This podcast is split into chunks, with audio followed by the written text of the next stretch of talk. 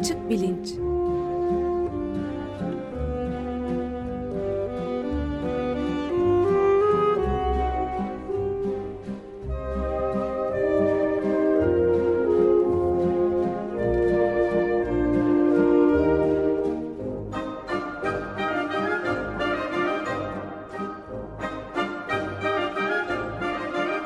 Güven Güzeldere ile bilim ve felsefe sohbetleri. Günaydın Güven Bey, merhabalar. Merhaba Günaydın Güven. Ömer Bey. Evet, Hakan Evet, merhaba Gür- Hakan. Hakan Gürvit merhaba. Ee, Can Tombil yok. O, Biz ikimiz bu taraftayız. Güven Güzeldere'de. Hattın öbür tarafında. Siz e, konuyu açar mısınız? Tabii Hakan Gürvit Açık Bilinc'in e, en eski e, konuğu 2013 senesinde Ağustos ayında bir program yapmışız ve ilk kez bir konuk e, katılmış programa. O da Hakan Gürvit olmuş. E, ondan sonra da defalarca gerek Alzheimer hastalığı, gerek beyin-dil ilişkisi, gerek e, nöropsikiyatri ve felsefeyle ilgili konularda Hakan'ı konuk ettik. E, sağ olsun. E, bugün yine Alzheimer hastalığından konuşmak istiyoruz. E, ben arşive bakınca gördüm ki bu 2013 Ağustos'unda e, Hakan Gürvit'in e, senede bir kez yapılan e, ve dünyanın en büyük e, Alzheimer kongresi olan Dünya Alzheimer Kongresi'ne e, Boston'daki e, kongreye katıldıktan hemen sonra bu programı yapmışız ve Alzheimer hastalığında ne oluyor ne bitiyor konuşmuşuz. Biraz da hastalığa yol açan mekanizmaları, tedavi e, yöntemlerini konuşmuşuz. Benzer bir e, programı aslında iki program peş peşe olacak şekilde 2015 Ağustos'unda yapmıştık. iki sene sonra. Orada da Washington DC'deki Dünya Alzheimer Kongresi'nden dönmüştü Hakan. E, bugün yaptığımız programda da e, yine benzer şeyler konuşacağız. Dünya Alzheimer Kongresi Londra'daydı. Temmuz 2017'de. Geçen ay Hakan oradan döndü. Fakat e, önceki programları tekrar e, etmemek için daha yeni sorulara bakalım diye düşündük. Önceki programların linkini ben Açık Bilinç Twitter sayfasından verdim. İsteyenler e, Alzheimer ile ilgili e, Hakan'ın anlattığı detaylı bilgilere e, oradan ulaşabilirler. E, 1900'lerin başında bir Alman patolojistinin ilk tanı ve teşhisiyle isminin konulduğunu biliyoruz. E, Alois Alzheimer, Alzheimer hastalığı diye biliniyor. E, iki hipotezden Hakan bahsetmiş. E, amiloid beta denilen bir protein türüyle tau denilen bir protein türünün e, sebep olduğu düşünülüyor. Beyinde nöronlar arasındaki iletişimin engellenmesi ve nöronların ölümüyle ortaya çıkan bir demans e, türü.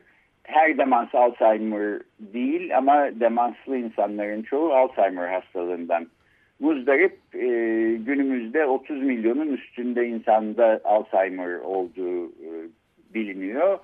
E, üzerinde de en çok araştırma yapılan ve en çok fon ayrılan e, alanlardan bir tanesi. Dolayısıyla her seneden seneye bir takım yenilikler e, olması, e, yeni tedaviler, e, yeni tanı ve teşhis yöntemlerinin bulunması mümkün. Biz de biraz bunu izlemeye çalışıyoruz bu iki senede bir yaptığımız programlarla. Ufak bir parantez ee, açabilir miyim? Ben son bir şeye baktım. 23 Şubat 2017 tarihinde şey diye veriliyor. Bilimsel Science News'dan bir haberde 50 milyon civarında olduğu söyleniyor dünyada. Şu sırada Hakan tabi en son rakamlara benden çok daha iyi vakıftır. Ve 2050'de de 125 milyona çıkacağı hesaplanıyormuş. Ee, müthiş bir sayı doğrusu. Benim evet. baktığım e, kaynak e, 2016 başı itibariyle 30 milyon üstü diye. Evet ben öyleydi ama University of Bath kaynaklı bir şey var. Bath Üniversitesi'nden ve bayağı şey ayrıntılı bir haber bu dergide. 150 milyon diyor bugün için. Bu çok 23 Şubat 2017. Evet ve 125'e de çıkacak diyor 36 34 sene için. Tamam. 33. Ben aslında bitiriyorum çünkü sözü uzmanına bırakmak lazım. Şunu yalnız söyleyeyim. Herhalde ben çocukken Alzheimer hastası e, olarak bildiğim hiç kimse yoktu. Halbuki bugün hepimizin e, ya bir tanıdığı ya tanıdığının tanıdığı en fazla iki derece uzakta e, Alzheimer hastalarıyla e, iç içeyiz. Bu hastalığın birden herkese nüksetmiş olmasından ziyade herhalde tanı ve teşhisin e, gelişmiş olmasıyla alakalı bir şey. Fakat gündemde bir konu e, Ömer Bey sizin verdiğiniz sayılar da sahiden e, ne kadar ciddi olduğunu gösteriyor. Herhalde e, hayatın uzamasıyla da alakası olsa gerek. Bütün bunların ışığında e, kısaca kongreyle başlayalım istiyorum ben. Yani bu seneye ait yeni bir bulgu var mı? Araştırmalar hangi aşamada? Dünya Alzheimer araştırmalarında gelinen son nokta. E, bunun, bunun ardından da bir takım pratik sorular var. Benim de sık sık karşılaştığım. Etrafımızda özellikle bu kadar Alzheimer hastalığından muzdarip insan olduğu için e, bunları biraz bir hekim gözüyle Hakan'ın anlatmasını rica edelim. Vaktimiz kalırsa en sonunda da Alzheimer'ın ilerleyen e, evrelerinde kişilikte ve benlikte nasıl bir e, değişim oluyor? Felsefi açıdan benlik konusunda bu bize ne e, öğretir? Bunu konuşalım diyerek e, Hakan sana vereyim mikrofonu. Ha, şimdi yeniliklerden başlayayım e, istiyorsun.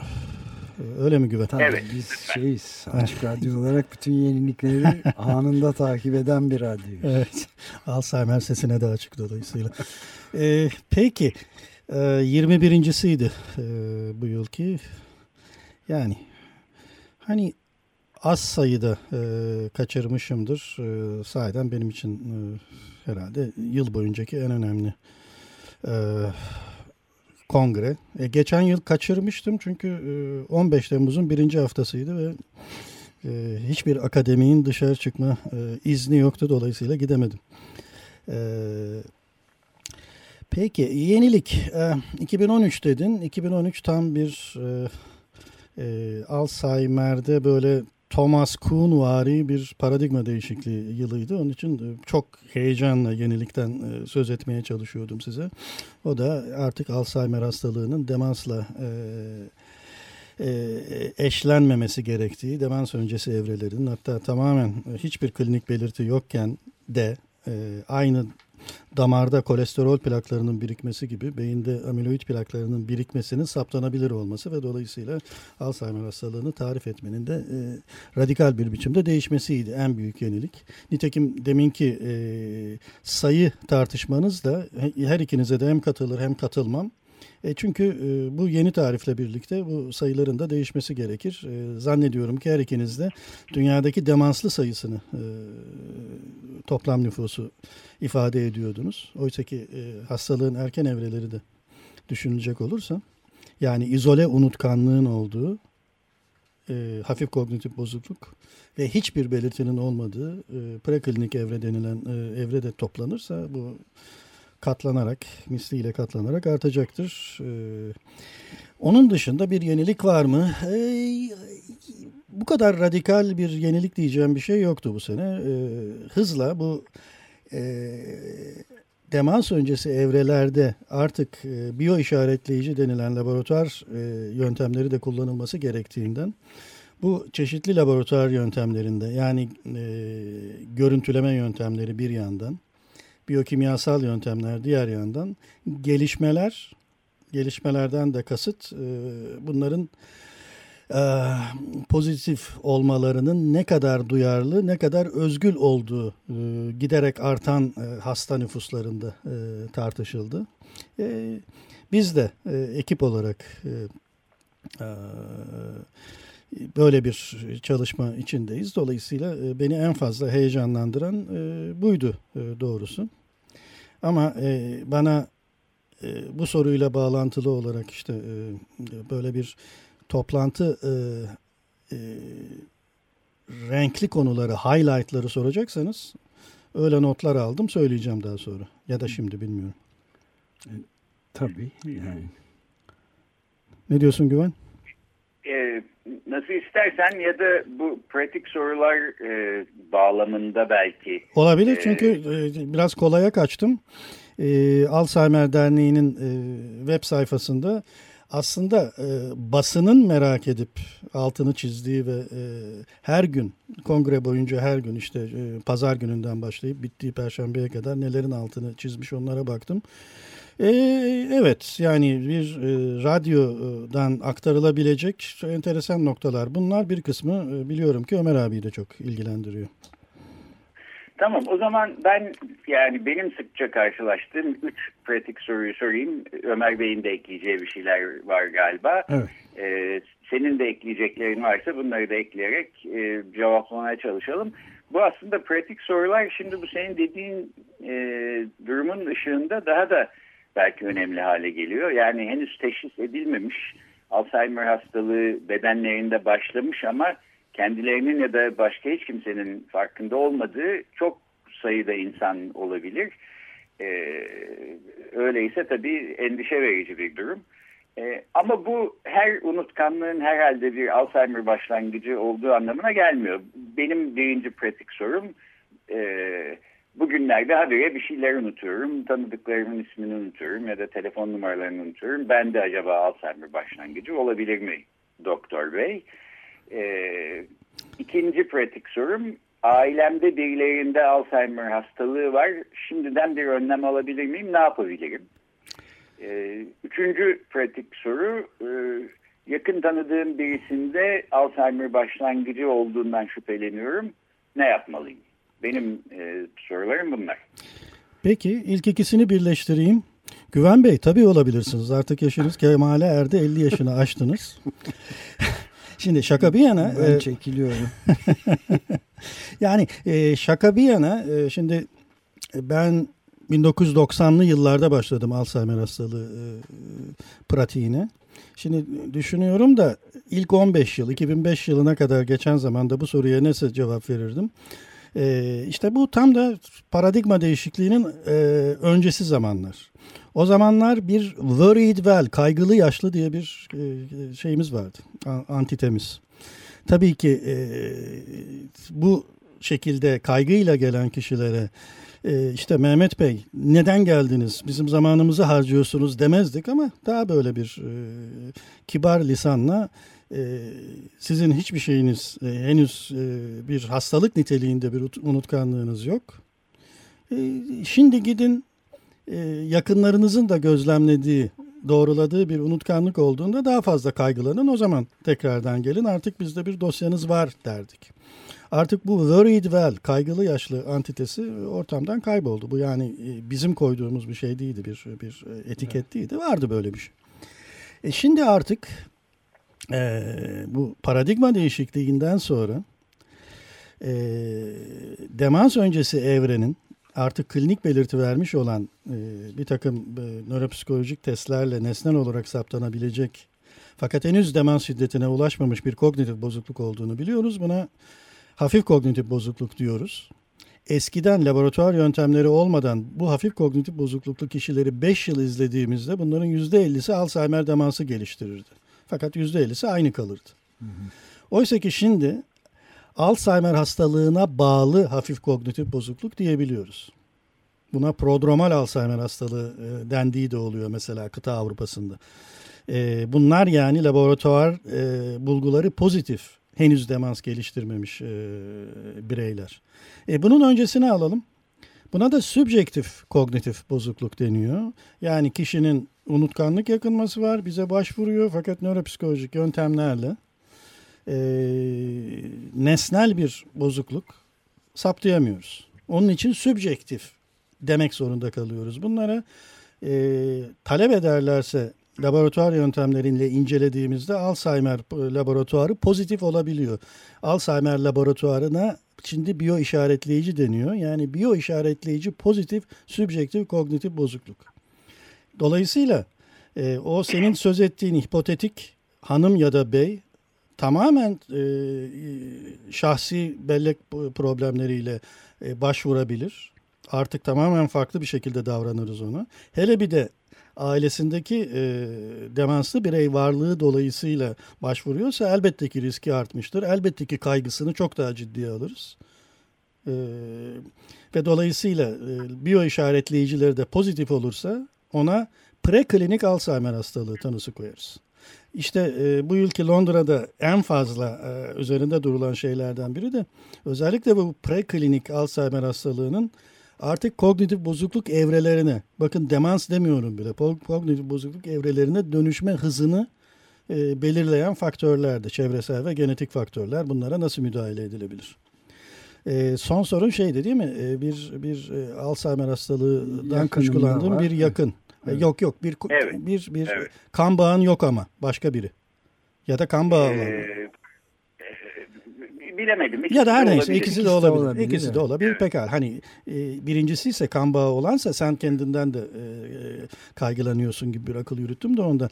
Ama her durumda tabii ki e, Alzheimer hastalığı bir e, e, çok ileri demans evrelerinde tabii ki son derece e, rahatsız edici, e, kötü bir e, hastalık.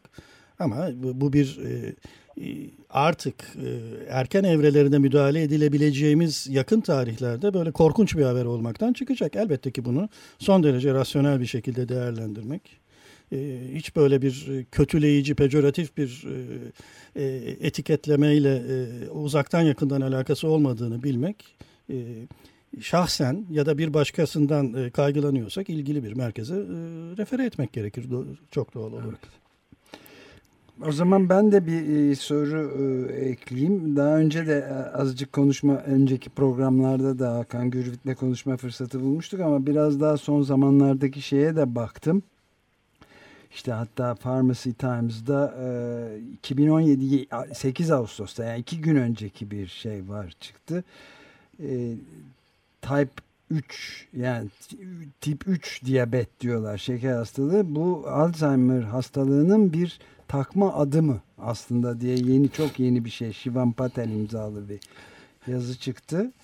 Ee, ve e, başka yerlerde de işte demin sözünü ettiğim e, Bath Üniversitesi'nin e, Science Daily'de yaptığı araştırmada da e, tipping point devrilme noktası şeker e, e yani beslenmeyle ilgili bir bağlantı en e, ilginç şeylerden biri de diyabetle Alzheimer hastalığı arasındaki ilişkiler konusunda Diyabet Konseyi'nin Diabetes Council'ın 10 Mayıs 2016'da şeyine baktım ve bunlarda genel olarak şey var. E, yani beslenme biçimiyle temel soru olarak e, kötü beslenmenin özellikle junk food dediğimiz şeyin e, illa e, şey olması et ve hayvani ürünler Beğeneceğin değil. haberler dediğim şeyler onlarla evet, ilgili değil. Besin evet. endüstrisinin büyük baskısı altında belki de bu junk food endüstrisinin en feci ve şimdiye kadarki en vahim sonucu Alzheimer hastalığı olabilir mi diye bir soru var aklımda. Pek konuşulmuyor çünkü. E peki ilkiyle başlayayım. İlkini e, yani e, il, yani diyabet 3 Alzheimer böyle bir 15-16 yıllık bir e, kavramdır. Pek severim. Öncelikle hep metafor olarak e, algıladım. Evet. Şimdi aslında metafordan öte öte literal olarak da e, algılıyorum. Niye? E, çünkü aslında beyin nöronlar yani e, glikoz kullanıyorlar. Evet. E, nöronlarda da bir insülin sinyallemesi var. E, yani insülin reseptörleri uyarılmalı ki e, beyin plastik mekanizmalarını devreye e, soksun. E, bu da elbette ki metabolik aktivite olarak glikozu optimum bir şekilde kullanmasını gerektiriyor. Dolayısıyla insülin re, regülasyonunun beyinde bozulması metaforik olarak bir tip 3 diyabeti e, hak ettiriyor. Evet. Literallik nerede? Aslında e, insülin dirençli. E, enteresan bir şey. İnsülin degrade edici enzim diye bir şey var. IDE diye kısal, IDE diye kısaltılıyor bu. Şimdi düşün ki insülin dirençli bir e, diyabetin var. E, bol bol insülin salgılıyorsun. Ama e, insülin bedende yapması gereken işi e, yapamıyor. Hücre içine giremiyor. Dolayısıyla insülinin arttıkça artıyor. O zaman işte insülin degrade edici enzimin devreye girip bu fazla insülinden seni kurtarması lazım. Oysa ki insülinin yapması gereken çok önemli bir iş var. Sisteme giderse e, gerçek işini bırakıp Bırak, evet. gidiyor. Gerçek işi ise işte beyinde e, fazla amiloid beta'nın e, koluna girip ortamdan Çıkartma. çıkarmak. Yani evet. şaperon moleküller denilen bir dizi moleküller var. Bunlardan en bilineni işte apolipoprotein E'nin çeşitli alelleri. Fakat İDE'de insülin degrade edici enzim de e, neredeyse ikinci sırada önem taşıyan bir e, şaperon molekül. Yani eğer insülin degrade edici enzim merkez sinir sisteminde kalmaz da insülin dirençli diyabette e, bedende çalışırsa yukarıdaki işini yapamamış oluyor. Dolayısıyla amiloid ortada kalıyor. Çöp toplanamamış oluyor yani. Evet. Bu da işin literal kısmı diyabet 3 e, e, ifadesinin. E, bu bana çok daha geçerli gibi geliyor e, şimdi. İkinci kısmı. E, Benim de aslında belki ekleyeceğim pratik sorulardan birisi e, Alzheimer hastalığı tamamıyla genetik mi? Dolayısıyla genetik olarak bir risk altındaysak e, yapabileceğimiz başka bir şey yok mu? Ya da öyle bir risk altında değilsek e, rahat edebilir miyiz sorusuydu. Öyle olmadığının cevabını şimdi vermiş oldun. Genetik faktörlerin yanı sıra e, işte çevresel faktörler, çevresel faktörler ve özellikle de evet. diyet beslenme. Dolayısıyla buna kompleks nedensellik deniyor değil mi? İşte başka bir nörodejeneratif hastalık, Huntington hastalığı örneğin, Mendelian geçişli olan yani e, doğrudan çizgisel e, nedenselliği bir genetik mutasyon olan bir hastalıkken hayır Burada e, ancak yüzde beşini böyle Mendelian mutasyonlar oluşturuyor. Öyle mi? Yüzde beş. Yüzde doksan beşini daha bile azı hatta. Yüzde doksan beşli yüzde doksan altısı böyle genetik faktörlerle çevresel faktörlerin kompleks etkileşimi e, sonucu. Ayrıca genetik risk faktörleri denilen e, neredeyse iki düzeneyi aşmış risk faktörleri var ki işte hani belki başka bir programın konusu olur bu. E, hani e, bırak Mendelian mutasyonları bir yana bir takım genetik e, yapımıza ilişkin bir takım değişiklikler Alzheimer hastalığı için riski oluşturuyor. Oysa Mendelian mutasyonu taşıyorsak mutlaka hasta oluyoruz şey gibi.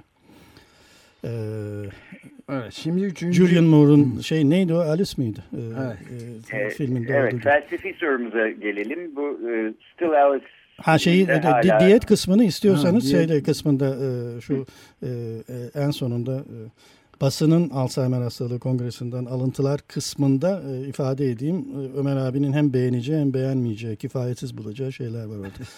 Peki. E, Tamam istersen şimdi yap sonra felsefi soruya geçelim. Nasıl yapalım? Yani e, işte şöyle bir, bir dizi e, ikinizin de ilgisini çekeceği zannettiğim e, basına yay, yayılmış. Yani bunlar Anglo-Amerikan basını ne yani? Washington Post, New York Times, Guardian, işte The Telegraph gibi gazetelerin kongreden aldığı haberler. Bir tanesi mesela bir e, Lancet International Committee e, on Dementia diye 24 al uluslararası eksperden oluşan bir komisyon çok büyük bir meta analiz yapmış e, demans nedenleri üzerine ve yüzde 35'inin e, 9 potansiyel değiştirilebilir risk faktörüne bağlı olduğunu görmüş. Bunlardan birincisi bir erken risk faktörü ki aslında en büyük e, şeyi oluşturuyor. En yüzde olarak en genişini oluşturuyor. Yüzde sekizininden sorumlu. O da erken e, çocukluk, gençlik yaşlarındaki eğitimin kalitesi. Daha sonra orta yaş. E, orta yaş üç tane hipertansiyon, obezite ve de orta yaştaki işitme kaybı. Tamam mı? Bunların tümü değiştirilebilir, kalitesi arttırılabilir faktörler olarak okuyun bunları. Yüzde 35'inden bütün dünyadaki demansın sorumlu. Dolayısıyla işte toplum sağlığıyla çok ilintili. E, ileri yaşta ise şimdi e, beş tanesi kaldı. Bu da depresyon, diyabet, e, fiziksel aktivite ki eğitimden sonra ikinci geliyor. E, yaşlılıkta, ileri yaşta fiziksel aktivite azalması demansın yüzde beşinden sorumlu sigara içme ve de sonuncu olarak da e, düşük e, sosyal e, iletişim. Yani eve kapanma kötü değil mi? İşte bunların tümü aslında sağduyuyla da bulunacak şeyler zaten. E, ama işte toplum sağlığı e, farkındalık çalışmalarının e, hedef alaraktan e, değiştirilebileceği durumlar. Yüzde otuz beş işte e, küçümsenecek bir rakam değil. Bununla ilintili başka bir yine gazete haberi bir US Pointer e, Study isimli bir çalışma bitmiş. E, iki yıl boyunca fiziksel egzersiz, beslenme rehberliği, kognitif ve toplumsal stimülasyon ve değiştirilebilir medikal koşulların değiştirilmesi üzerinde durulan e, e, kat katılımcılarda işte kognitif bozulma iki yıl kadar geciktirilmiş. Ha şimdi geldik evet. The Importance of Healthy Diet'e. Ee, sağlıklı diyetin e, önemi. E, bu neredeyse artık birbiri ardına e, 2000'li yılların başından beri 5. ya da 6. çalışma. iyice mega bir çalışma. 300'lü 400'lü katılımcılardan başlayıp şimdi 5907 katılımcı. E, bunlar e, diyor ki e, özette kardiyovasküler sağlığa e, e, katkıda bulunacak diyetlerin e, aynı zamanda kognitif işlevi de koruyacağı e, hipotezini test etmiş. E, Mind isimli e, diyet verilmiş ve yüzde 30-35 kadar bir risk azalması kognitif bozulma e, için sağlamış. Şimdi Mind ne? Mind esas olarak Akdeniz diyeti. Akdeniz diyeti defalarca kognitif bozulmayı geciktirdiği hem kognitif olarak sağlıklı yaşlılarda hafif kognitif bozukluğa dönüşümü geciktirdiği hem de hafif kognitif bozukluklarda demansa dönüşmeyi geciktirdiği gösterilmiş bir şey. Şimdi nedir bu Akdeniz diyeti? Sen biliyorsun Ömer abi. Evet biraz karışık bir şey. Bak şöyle bir üçgen olarak gösteriliyor. Üçgenin tabanını seviyorsun. Üçgenin tabanında meyve, sebze, tam tahıl, zeytinyağı, fasulye, fındık, baklagiller ve baharat var. E, tabanda en geniş yeri. E, üstünden itibaren sevmiyorsun artık. E, üstünde kalın bir satırı balık oluşturuyor. Onun üstünde kümes, yumurta, peynir, yoğurt geliyor. Tepedeki küçük bir zirveyi de üçgenin e, et yapıyor.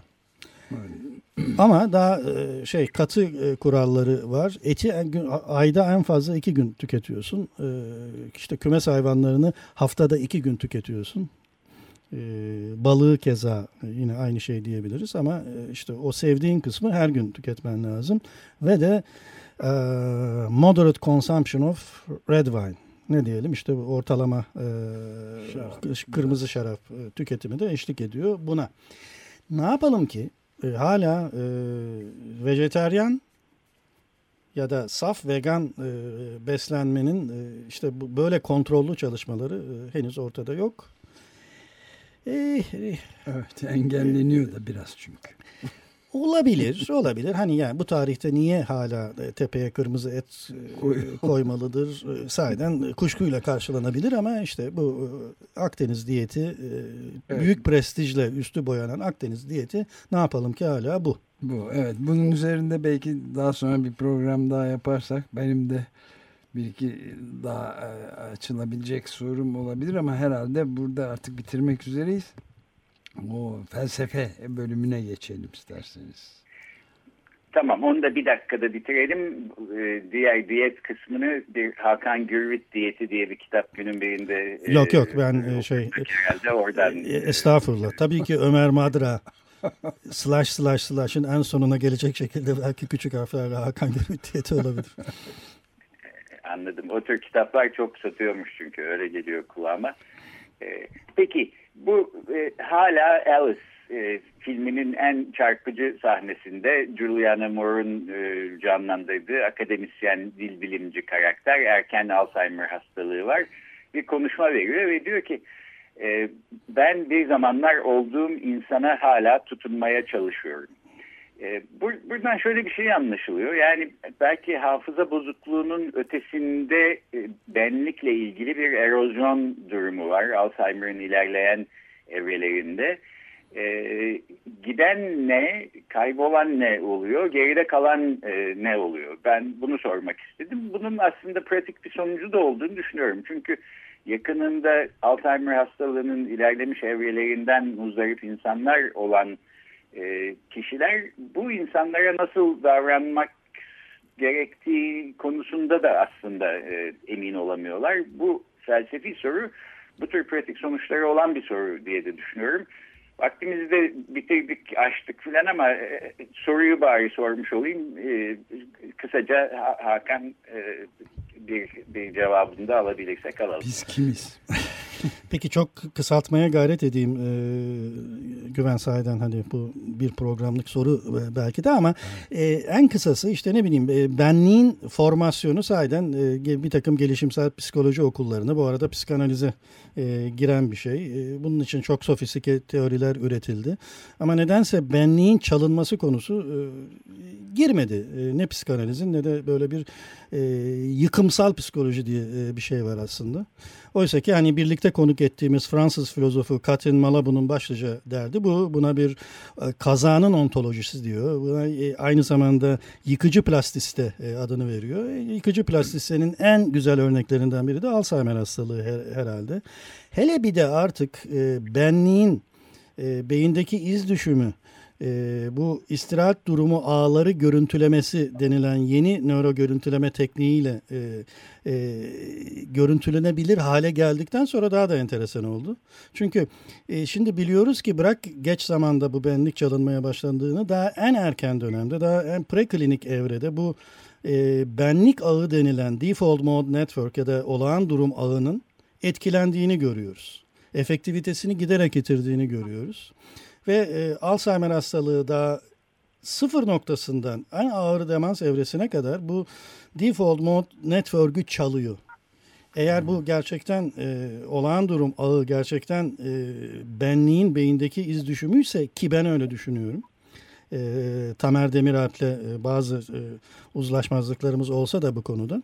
E, bu takım olarak bunun üzerine en fazla e, çalışıyoruz. Nitekim Londra'dan önce de Vancouver'da o, OHBM'in yani Organization for Human Brain Mapping'in e, toplantısı vardı. E, İnsan Beyin Haritalaması Organizasyonu ki e, Tamer bunun Türkiye e, bölümünün başında. Orada e, ilgili çalışmalarımızı sunduk. O da çok enteresan bir toplantıydı.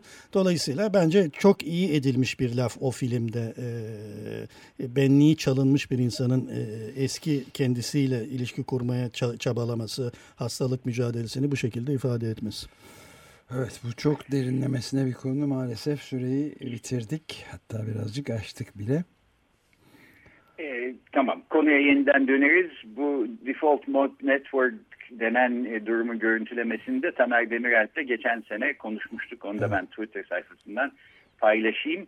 İlk başta e, tanıtımı yapamadık. Gerçi Hakan Gürümit'in tanıtıma ihtiyacı yok ama İstanbul Üniversitesi Tıp Fakültesi e, Nöroloji Anabilim Dalı Başkanı, e, aynı zamanda eski açık radyocu, e, felsefeci, düşünür e, Hakan Gürgün. Yani eski derken hali, hali hazırdaki de. Kıpkırmızı ettin beni şeyin mikrofonun ardında. Eski deyince eskidenmiş gibi anlaşıldı. Onu evet Muzaffer'e de öyle dedi. Tabii, pardon çok eskilerden gelen ve hali hazırda e, radyoculuğu devam eden açık radyocu. Salı geceleri Açık Şemsiye'de dinlenebilir.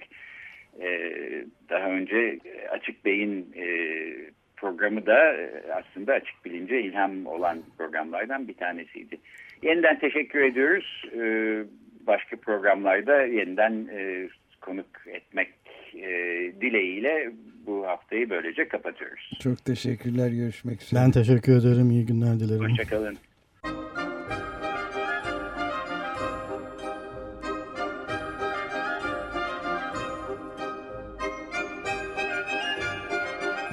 Açık Bilinç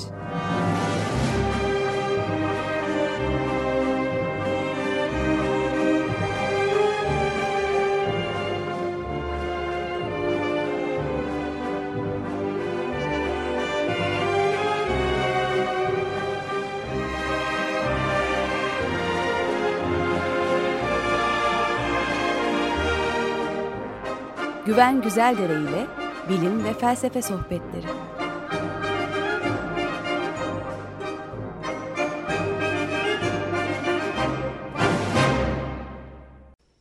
Açık Radyo program destekçisi olun. Bir veya daha fazla programa destek olmak için 212 alan koduyla 343 41 41